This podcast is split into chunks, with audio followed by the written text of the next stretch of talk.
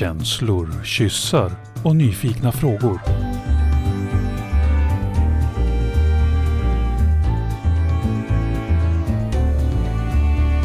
Pollyprat med Minna och Karin. Hej alla Polypratslyssnare. Ni som har varit med oss länge, ni vet att vi tycker mycket om att fundera på olika vinklar på det här med poly. Och idag ska vi få ge oss in i polyoandlighet eller polyoteologi. Och det är ju såklart någonting som jag tycker är jättespännande. Vad är din inställning till polyoteologi, Minna? Oj, oj, oj, nu är jag ute på svag is. Jag har ingen som helst eh, relation till eh, kyrkan mer än att jag är svensk och uppvuxen i ett eh, samhälle baserat på den eh, kristna tron. Men jag har ju aldrig varit i kyrkan mer än på dop och bröllop som andra håller. Eh, så att jag har eh, ingen som helst eh, ens intellektuell eller litterär erfarenhet av kyrkan, för den har helt enkelt inte väckt min nyfikenhet så mycket. Men samtidigt så vet jag ju att stor del av vår moral kommer och är baserad på den kristna tron. Mm. Så det här är ett perspektiv som både kan eh, komma nära vad vi, vad vi tror på, men också hur vårt samhälle helt enkelt är format och utformat. Hur vår moral ser ut, vår moraluppfattning och faktiskt i, till väldigt stor del våra lagar, vår lagstiftning, har ju sin bas faktiskt i, i ett väldigt tät kontakt mellan kyrka och stat. Det är ju inte så jättelänge sedan de separerade sig från varandra. Och jag är då, eh, då är jag den här andra delen. Jag vet inte vem av oss som är bad cop och good cop i det här. Jag tror vi, jag vet inte riktigt mina. Men jag är, jag är då... bara nyfiken. Jag är bara nyfiken idag. Jag vill bara veta mer. För jag har ju då funnits i kyrkan på alla möjliga olika sätt i hela mitt liv. Eh, och väldigt mycket genom musiken. Jag har alltid mm. sjungit i kör, eh, sjungit mycket, spelat och jag liksom finns fortfarande i kyrkans värld på många olika sätt. Eh, så i somras så dök det upp en så spännande eh, debatt som jag förstår golvade hela Sverige. Eh, det var i alla fall uppe i DN och det, det spred sig ändå i, i olika medier. Och även i Malmö Pride har man tagit upp den här frågan. Vill du berätta, vår gäst Lina, Lina Landström, vad hände i somras? Ja, men i, tack för att jag får vara med för det första. I somras så det var... Vänta, vänta, vänta, vänta, stoppa ja. pressarna. Vem är du? Vem är jag? Ja, eh, jag heter Lina Landström. Jag eh, kallar mig själv queer-teolog. Jag pluggar teologi på doktorandnivå eh, och är aktiv i Svenska kyrkan. Eh, jag är queer men, och forskar om eh, queerhet och teologi och religion. Eh, jag identifierar mig inte som poly, eh, kanske jag ska säga på en gång, eh, men rör mig väldigt mycket i queervärlden. Eh, så det är jag. Mm. Eh. Välkommen! Nu vill vi höra vad som mm, hände i somras. Välkommen!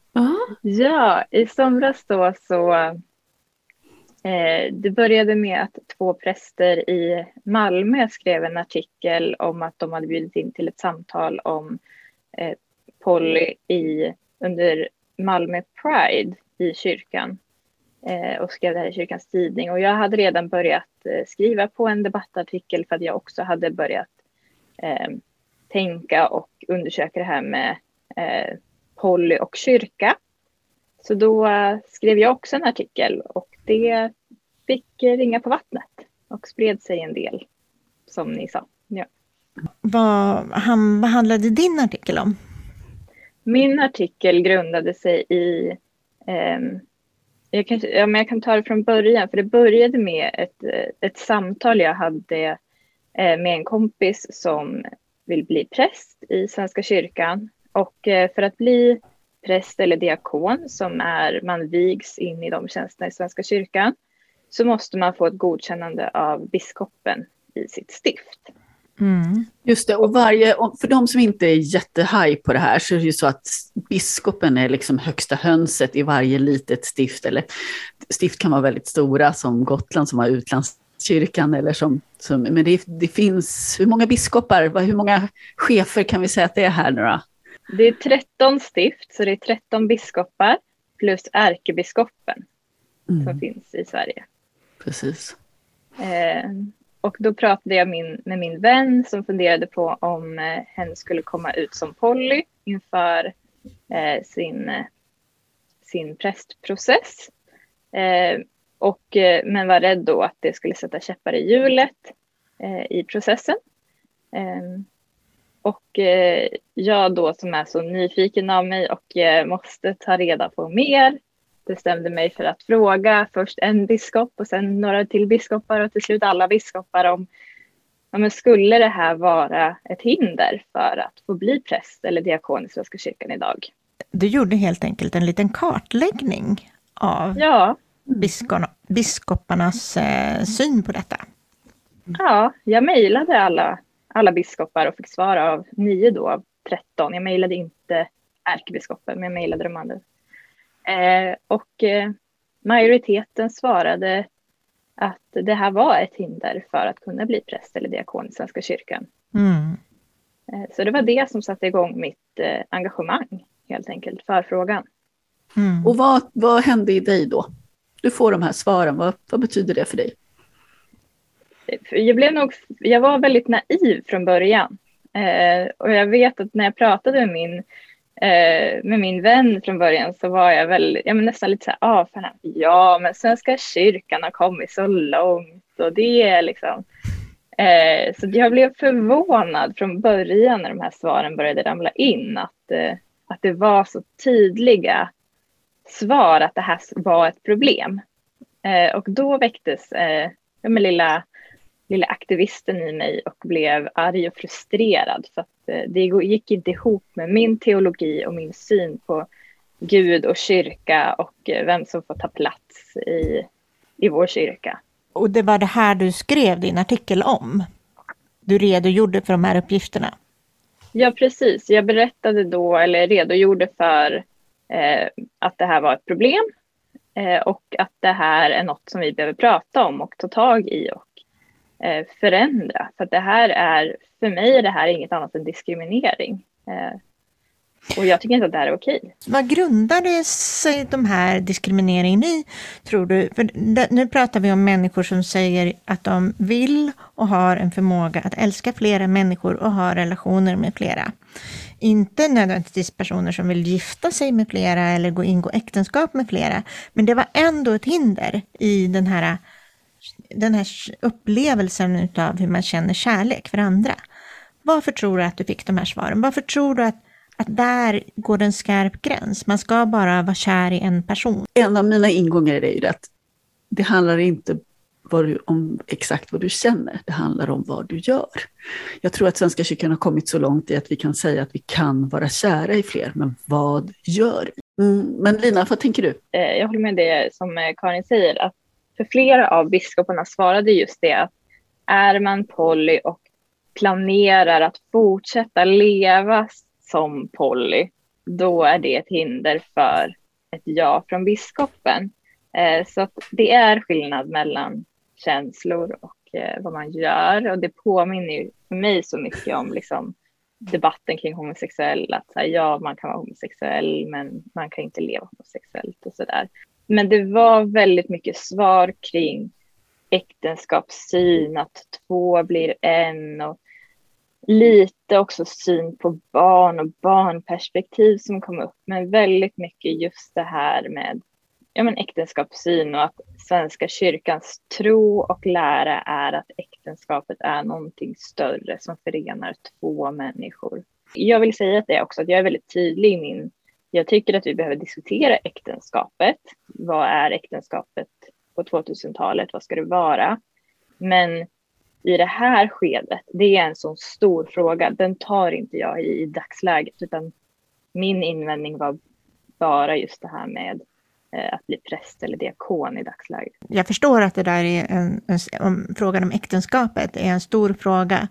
Men vad är det de lutar sig mot, eh, de här eh, biskoparna, när de säger nej, vi kan inte prästviga en person som vill praktisera polyamori? Mycket är ju bibelsyn. Man ser att eh, både gamla testamentet, nya testamentet framförallt Nya Testamentet, evangelierna pratar om att i äktenskapet så blir två en och det här är liksom större än allting annat.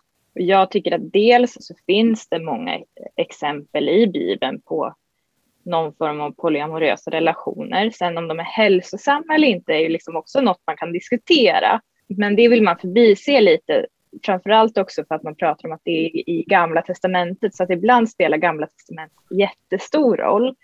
Eh, och ibland så vill man bara liksom ignorera allt som står där. Det är en väldigt spännande blandning eftersom det är ganska, det handlar ju precis om det här om tolkning hela tiden. Mm. Alltså vi, vi, mm. tolkar, vi tolkar Bibeln och vi tar med oss de bitarna som, som känns relevanta idag för oss. Och då tycker jag att vi behöver verkligen medvetandegöra att det här är ett val.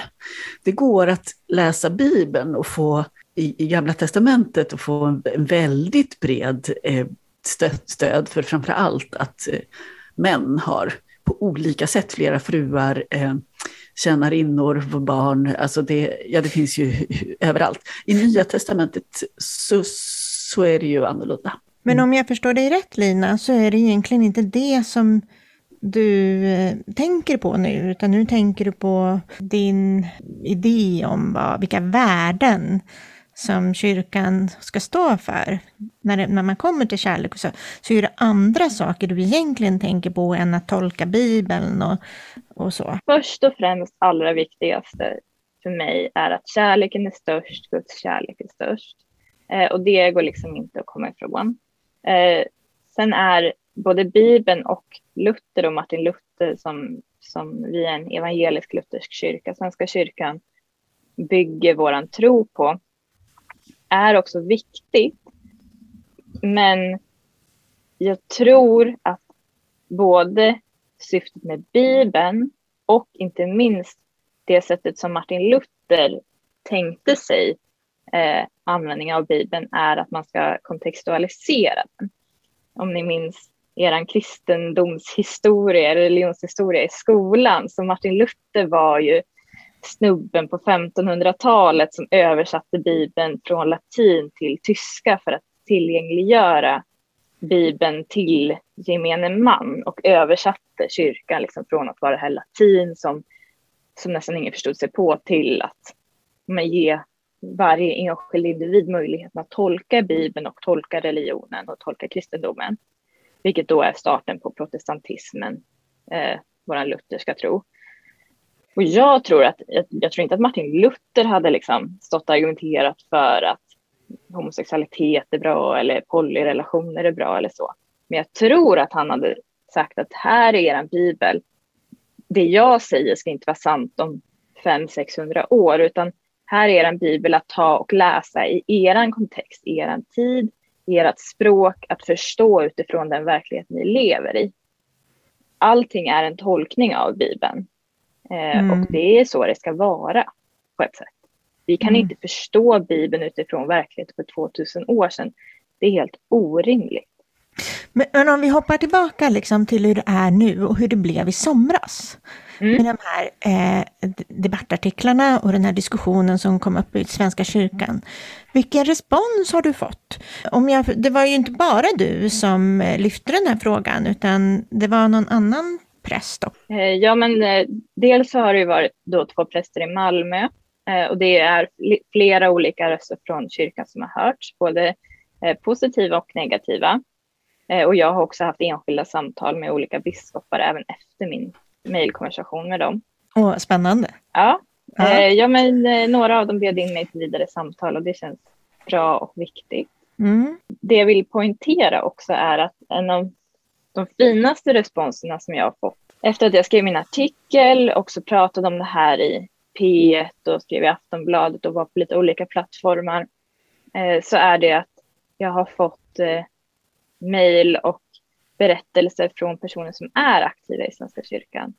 Jag har hört från präster och diakoner som eh, lever i garderoben, som jobbar i Alltså det här är för mig är det här viktigt för att det här spelar roll i människors liv här och nu. Mm. Och i och med de svaren jag fick från biskoparna så kan de här personerna inte föra sin talan själv. Alltså jag önskar att, jag vill ju egentligen att att de här personerna ska få berätta sina berättelser och få berätta varför det är viktigt.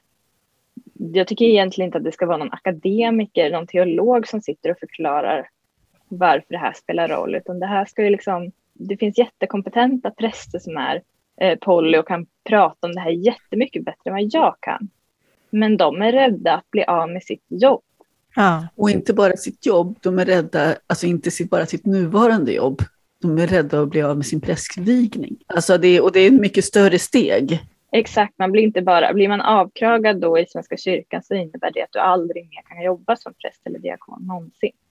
Mm. Vi, har ju, vi har ju en diskriminering som pågår, kan man säga. Ja.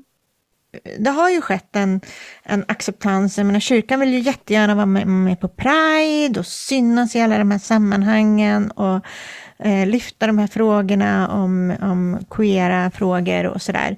Eh, och, och vi vill jättegärna, eh, min närmaste kyrka har ju en regnbågsflagga i fönstret och, eh, och sådär. Så det är, ju, det är ju frågor som kyrkan på något sätt har omfamnat. Men just den här har hamnat utanför, vilket den ju har också i andra sammanhang. Men, men varför har det blivit så? jag skulle precis lägga till det som du sa på slutet, att det är ju också en fråga som har hamnat på sidan om i många sammanhang, också i den sekulära liksom, hbtq-världen, så det spelar ju också roll. Mm. Sen tycker jag Svenska kyrkan har kommit jättelångt, både liksom i ett svenskt perspektiv och ett globalt perspektiv när det gäller hbtq-frågor. Och det ska man inte underskatta. Och man ska inte heller underskatta den roll som kyrkan har haft också som föregångare i hbtq-frågor, både i Sverige och i världen, att det finns många fina exempel på där kyrkan faktiskt har legat i framkant i hbtq-frågor. Eh, det kan man inte alltid tro, men så är det. Mm.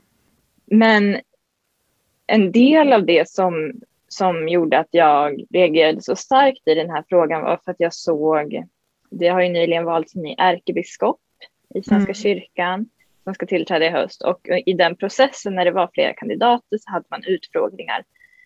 Och då i den utfrågningen som Svenska kyrkans unga gjorde av kandidaterna så frågade man just om hur ska du som ärkebiskop driva frågan om hbtq-inkludering i kyrkan?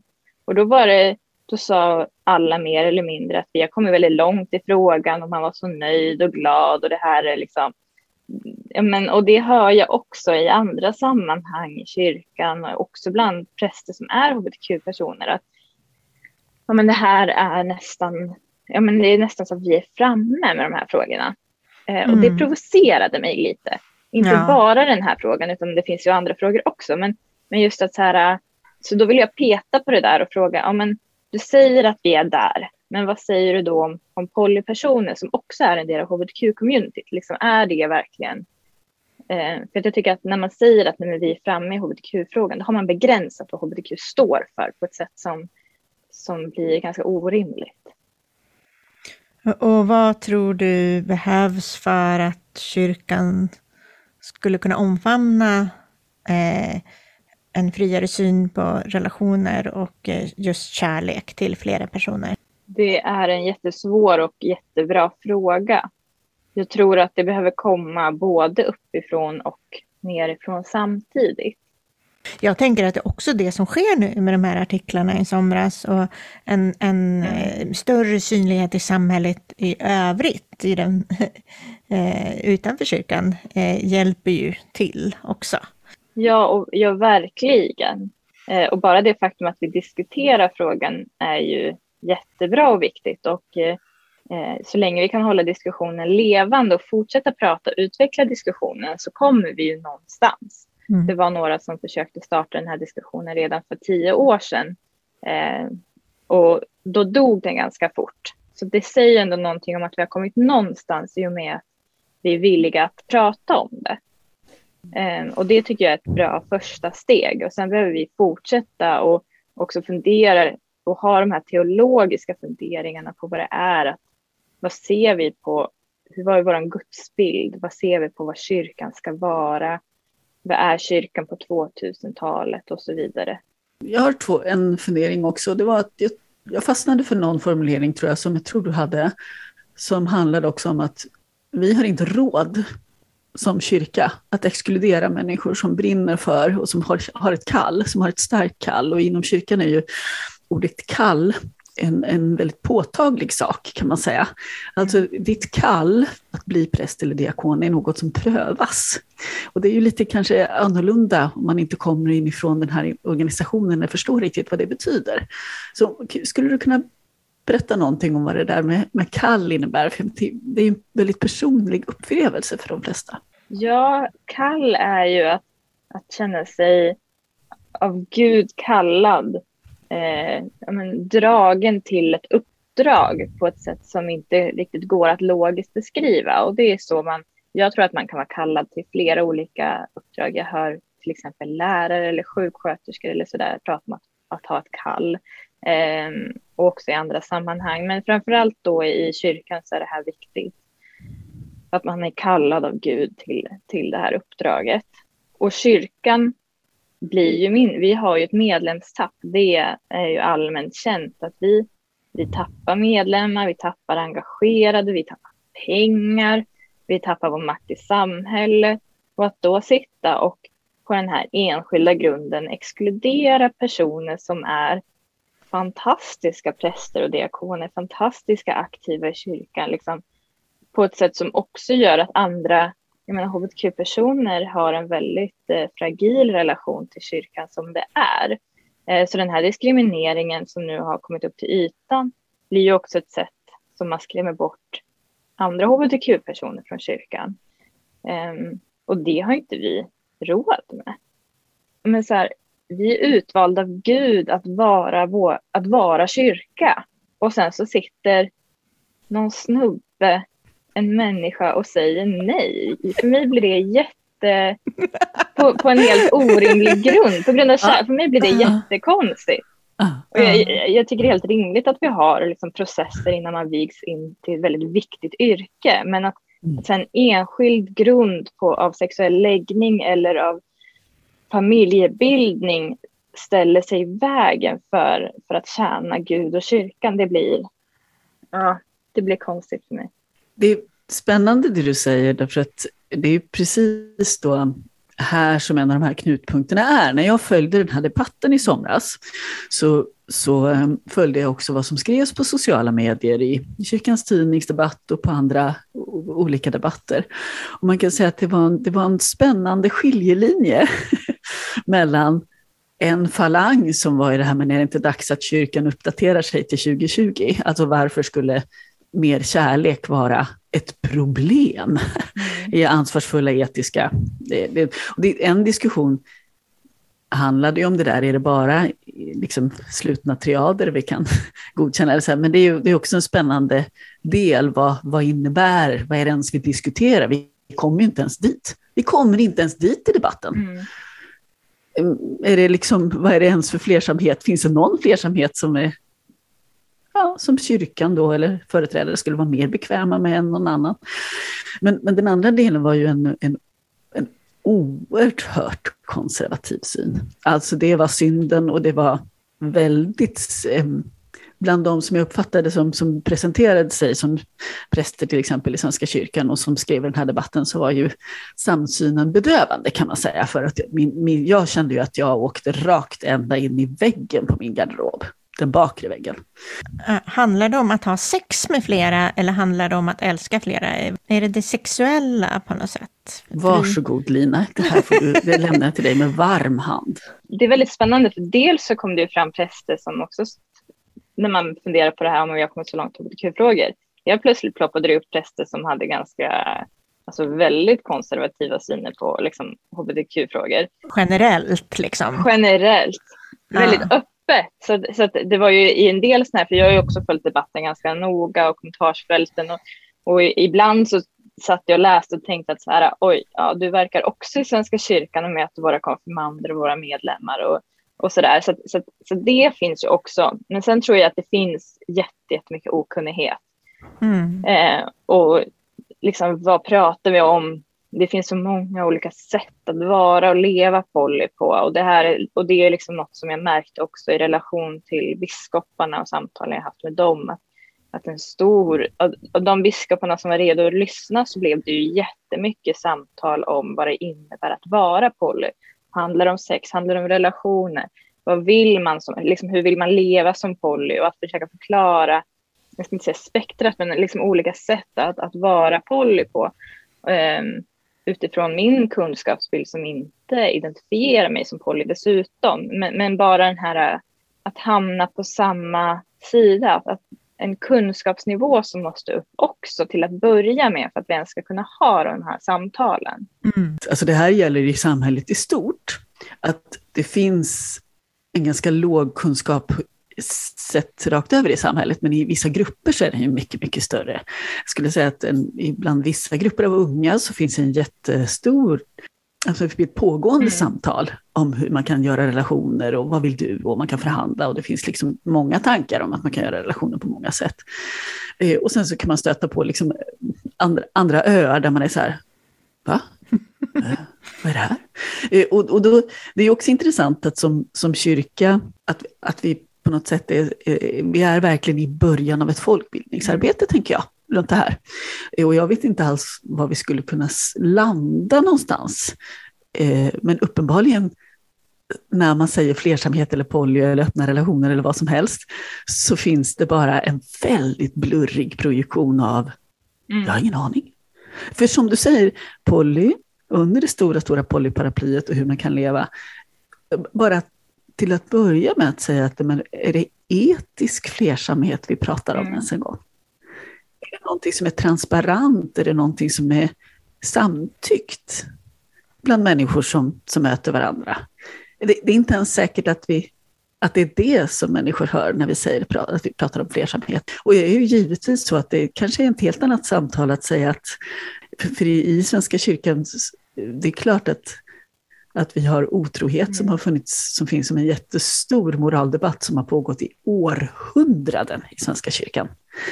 Och ställer man då begreppet otrohet mot Gamla testamentets syn på hur eh, på äktenskap och också på det här med att ta bihustrur eller tjänarinnor. Eller alltså, om, mm. om en fru inte kan få barn så, så är det självklart att en tjänarinna gör, tar den rollen till exempel. och sådär. Eh, bara där är vi ju en, en helt annan situation. För att inte börja tanka på många feministers omtolkning av Maria Magdalena och sexualitet mm. och så. Jo, och för mig har det varit jätteviktigt att från början att verkligen trycka på det här med samtycke eller att, att, att det är någonting annat än otrohet. Och i min värld i alla fall så är, så är det självklart att det går att vara otrogen också i en flersam relation. Att, att det är två helt olika saker.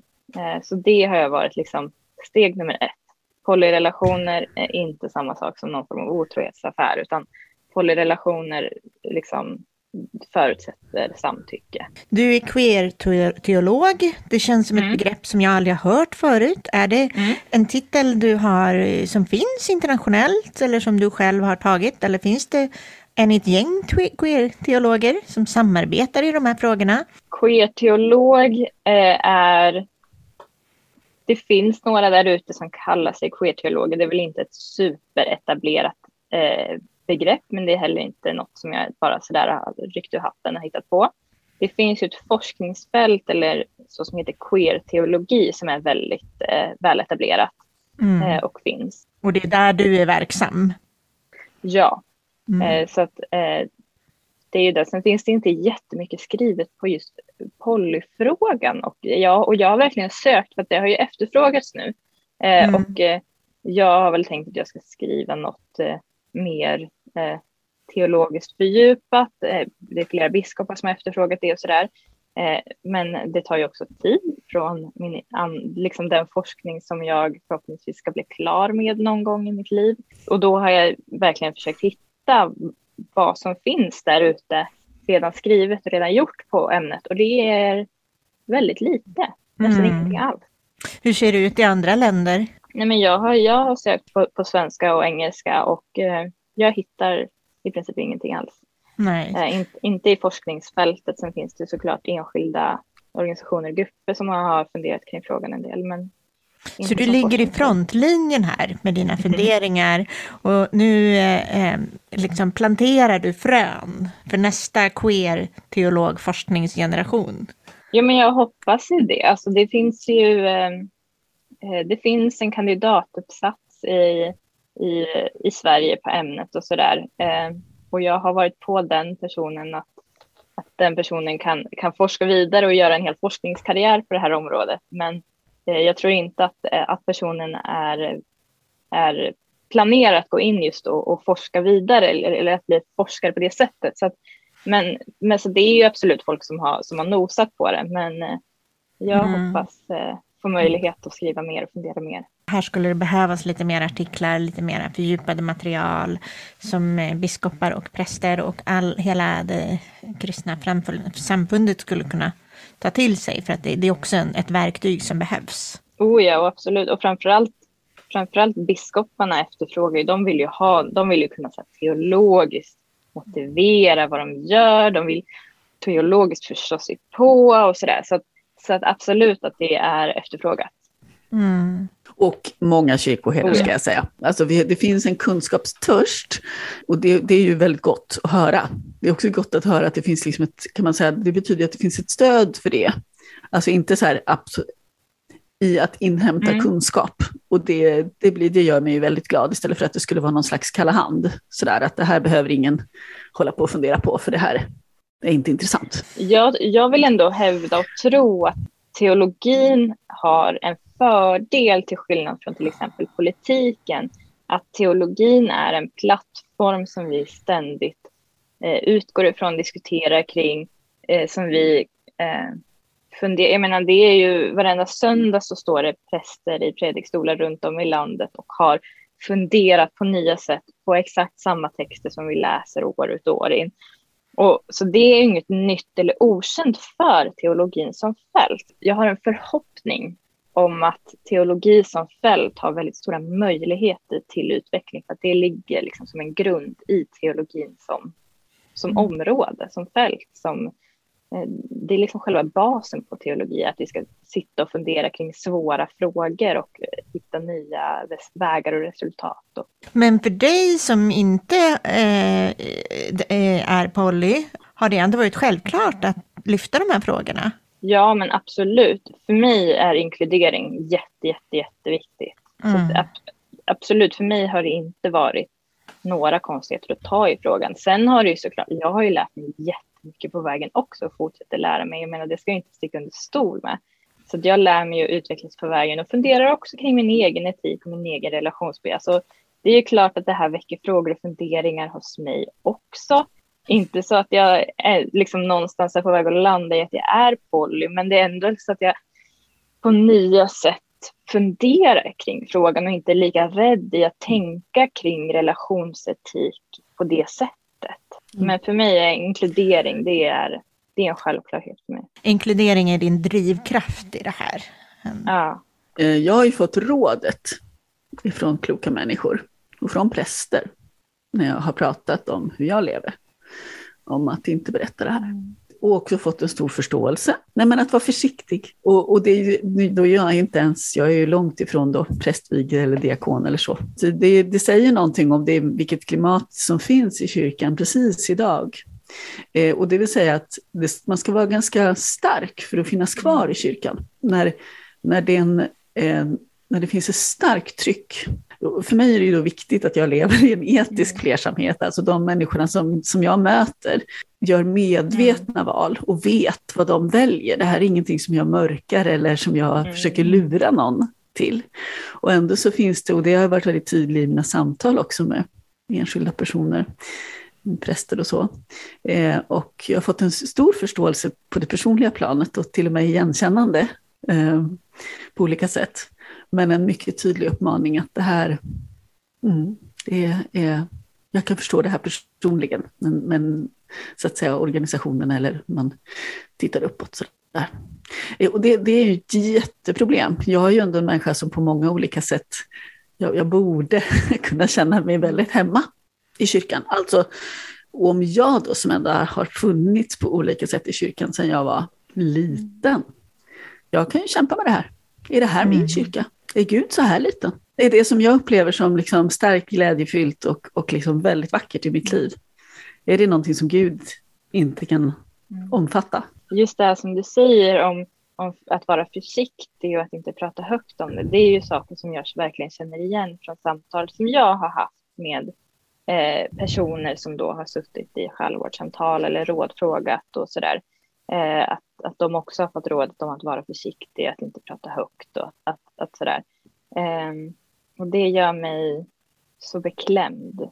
Eh, och å ena sidan vill jag vara Harvey Milk som står på barrikaden och säger att kom ut, kom ut, eh, varningen är. Men, men eh, det är lätt att säga när man själv inte, när man själv inte drabbas av det. Att det, det är stora uppoffringar som människor kommer behöva göra för att vi ska kunna eh, röra, ja, men liksom flytta det här berget. Men jag tror att Gud är större. Det är liksom en sån sak som sägs i kyrkan. Det tror jag verkligen på. Och jag tror på en Gud som är radikalt kärleksfull. Liksom det går inte att förbise på något. I teologin kan man säga så är ju ett av de ständiga frågorna handlar ju om eh, om Jesus skulle leva i det här samhället där vi finns nu, eftersom mycket av hur, hur vi tolkar Bibeln ändå ses genom, kan man mm. säga, filtret Jesus. Alltså vi läser gamla, gamla testamentet också genom den, kan man säga, den förståelsen att sen, sen mm. kommer en, en, en, en, revidering och en mm. förnyelse kan man säga. Och om vi, mycket av hur teologis, teologiska samtal ser ut idag tycker jag handlar om det här att ja, men om Jesus fanns här nu idag, vad skulle radikal kärlek och radikal acceptans och att um, titta på vårt samhälle med, med mm. de här ögonen, vad skulle det innebära? Det är ju en för mig då så är det ju lätt att tänka att ja, det, det, då, då är det väl min hjärna som behöver utmanas lite. Förmodligen skulle Jesus göra saker som jag skulle tycka var mm. utmanande. Det är väl enda poängen med att mm. tänka så här. Alltså om jag förflyttar mig från min position som är mindre, mer inskränkt, svårare att förstå vad som är en allomfattande kärlek. Vad, vad, Eh, jag tycker att det vore ganska förmätet av mig att säga att jag är nog mycket mer radikal än vad mm. Jesus skulle vara om han levde idag. Jag tror inte att han skulle ha något att lära mig om kärlek. Mm. För mig skulle det vara en ganska svårtuggad tanke. Ja men verkligen och jag läste, jag fick läsa vår bibeltext på regnbågsmässa här eh, häromdagen och då läser jag Lukas evangeliet om hur, hur Jesus helade en kvinna på sabbaten och han blir i synagogan och han blir ifrågasatt och eh, de säger att Eh, på sabbaten får man vila och, och eh, det finns sex andra dagar, du kan inte hela på sabbaten och sådär. Eh, och då brister Jesus ut och säger hycklare, att, att så här, jag, jag hjälper vilken dag jag vill. och sen så säger bibeltexten att skammen flyttades från folket till eh, då ledarna i synagogan. Och det där tyckte jag, när jag läste den i den kontexten så fick det liksom, så landade det lite i mig på ett annat sätt än när jag har läst den texten tidigare. Och jag tänkte just det att så här, oj vad Jesus skulle gå runt och flytta skam och, och skrika hycklare åt folk. Säkert åt mig också, men just i den här frågan så tänker jag att liksom, för folk söker, när jag pratar med biskopar och präster som har svårt med det här så säger de men evangelierna, liksom, det finns inget grund i evangelierna. Och då tycker jag att det här om något är väl en grund i evangelierna. Att, att jag tror att hade Jesus funnits här idag så hade han stått och skrikit hycklare. Att, kast, liksom, kasta första sten. Alltså, liksom, det här är en plats för alla. Vid mitt bord är alla välkomna. I min kyrka är alla välkomna. Gud älskar alla och skammen ska inte ligga på, på de utsatta. Och det, eh, nu, nu, tror jag inte att skammen ska ligga på någon för att jag, skam är en komplicerad eh, känsla. Men, men liksom att, att, att det... Ja, jag tror verkligen att Jesus hade gått runt och eh, spridit kär, radikal kärlek på ett sätt som vi inte ens kan förstå i vår värld eh, om han hade varit här idag. Wow. Innan, innan vi liksom avsluta det här så skulle jag bara vilja veta lite om hur, hur din väg in i, liksom i teologin såg ut. För det är ett spännande forskningsfält för de som inte har beslutat sig för att läsa teologi och doktorera i det. Jag har jag är inte uppväxt i en, i en troende familj. Jag är uppväxt i en svenskkyrklig familj. Jag är döpt som barn på 90-talet. När det var dags att konfirmera mig eh, där på 2000-talet så, så var det en lång beslutsprocess innan jag bestämde mig för att säga ja och gjorde det och hade en fantastisk upplevelse. Men var sedan långt ifrån kyrkan under många år. Och så flyttade jag till USA och pluggade och hade varit nyfiken på kyrkan länge, men var ju rädd då, för då hade jag insett att jag var queer-person och tyckte att det här med kyrka var läskigt. Och eh, började ändå aktivt gå i kyrkan, i hbtq-vänlig kyrka i, under tiden jag bodde i USA. Eh, och så pluggade jag sociologi på, på universitet i USA. Men så hade mitt universitet en kurs i queer-teologi just. Eh, och så bestämde jag mig för att läsa den eh, som en valfri, som en liksom extra valskurs. Eh, och hade en helt fantastisk upplevelse med en helt fantastisk eh, professor som också är poly faktiskt. Eh, och, eh, professor i teologi och eh, öppet poly. Professor i teologi, öppet poly, icke-binär, bara en så här eh, cool människa som blev min mentor. Hon heter Paige Rawson. Hon bor nu i Florida och driver eh, har teologiska samtal och spirituell coaching och jobbar med lite olika frågor. Mm. Supercool mm. människa. Och hon blev min mentor och för henne, när jag började liksom, men jag tyckte att det här var så spännande och vi hade långa samtal efter lektionerna och för henne var det så självklart som att så här, jag hade inte tänkt att jag skulle läsa något vidare efter min kandidatexamen, men för henne var det självklart, nej men du ska forska och du ska läsa teologi. Det är klart att du är teolog och det är klart att du kan göra det här. Och, så det var väl hon som, som tänkte tanken åt mig tills jag hade landat i det. Ehm. Så det var, ja men det var verkligen, eh, det var verkligen vägen in uh, för mig. Mm. Och sen så fick jag i och med att jag bodde i USA så hade jag enorma möjligheter att möta olika coola människor. Jag läste också min master där. Um, och det är lite annorlunda att plugga teologi i USA än vad det är i, i Sverige och uh, i den kontexten jag är i nu.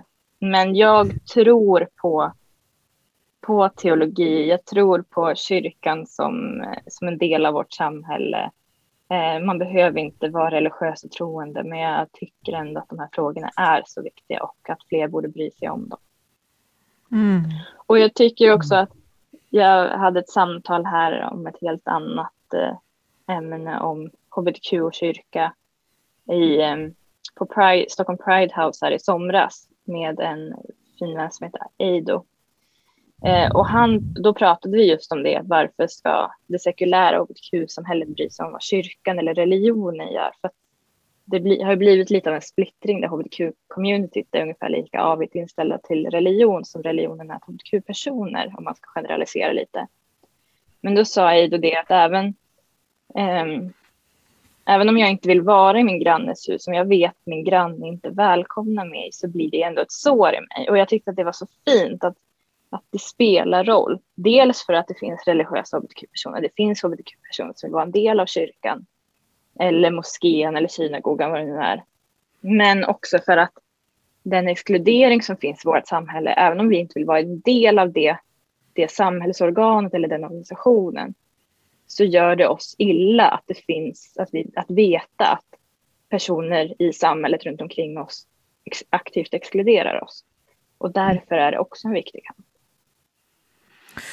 Ah. Mm.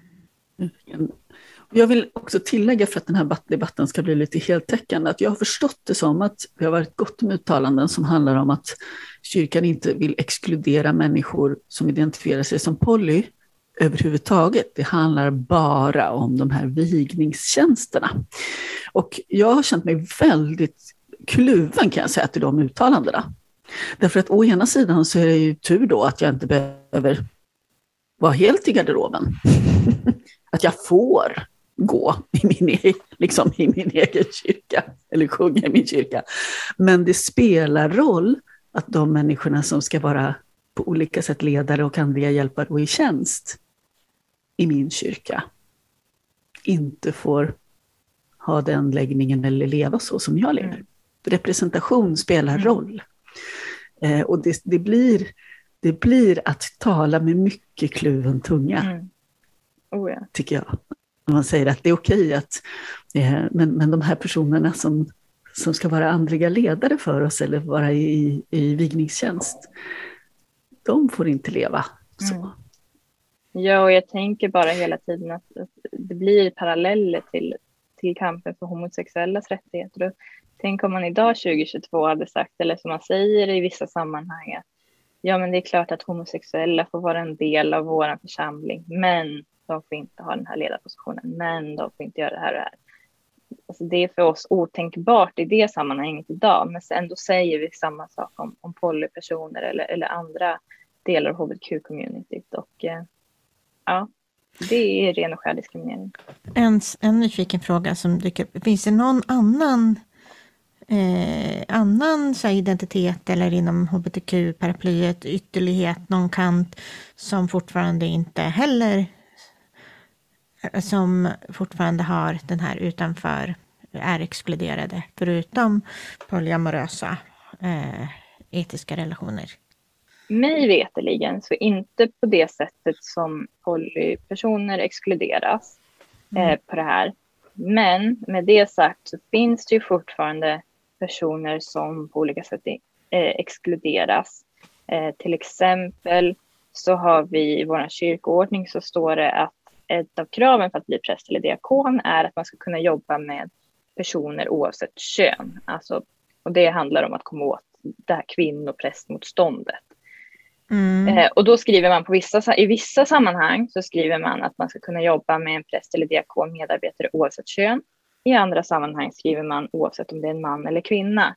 Mm. Och då mm. exkluderar det icke-binära eller olika mm. eh, transidentiteter. Och, och den här köningen i vissa sammanhang, könandet i andra, blir en form av exkludering.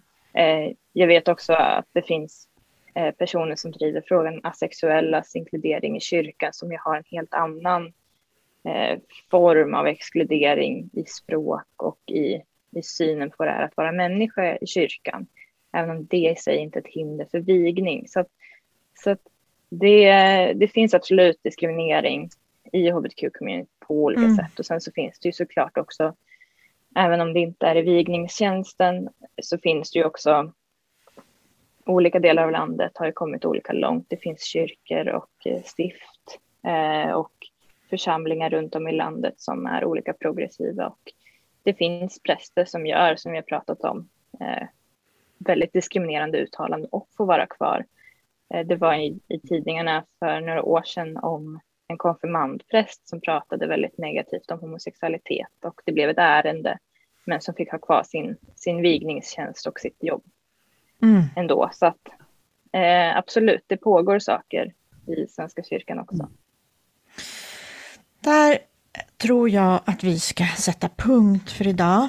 Eh, och jag är så otroligt tacksam för att du ville vara med i det här samtalet Lina. Och jag hoppas lite grann att du fortsätter att vara naiv och ställa mm. jobbiga frågor till biskopar. Eh, och att vi kommer att få se mera debatt från din sida. Det ser jag mm. fram emot. Eh, och att de här, vi kan lyfta de här samtalen tillsammans. För jag även om jag inte identifierar mig som en del av kyrkan så påverkar kyrkan mitt liv. För jag lever här i Sverige med den svenska kyrkan. Så det här är jätteviktiga frågor för mina barn och för framtiden. Ja, tack snälla för att jag fick komma och prata om det här. Det är alltid kul att få prata kyrka, religion, teologi i sekulära sammanhang. det är inte en självklarhet alla gånger. Tack för idag hörni eh, och ha en trevlig helg allihopa. Hej då! Hej då! Hej då! Tack! Du hittar Pollyprat på vår Facebook-sida och där poddar finns. Ställ gärna frågor till oss.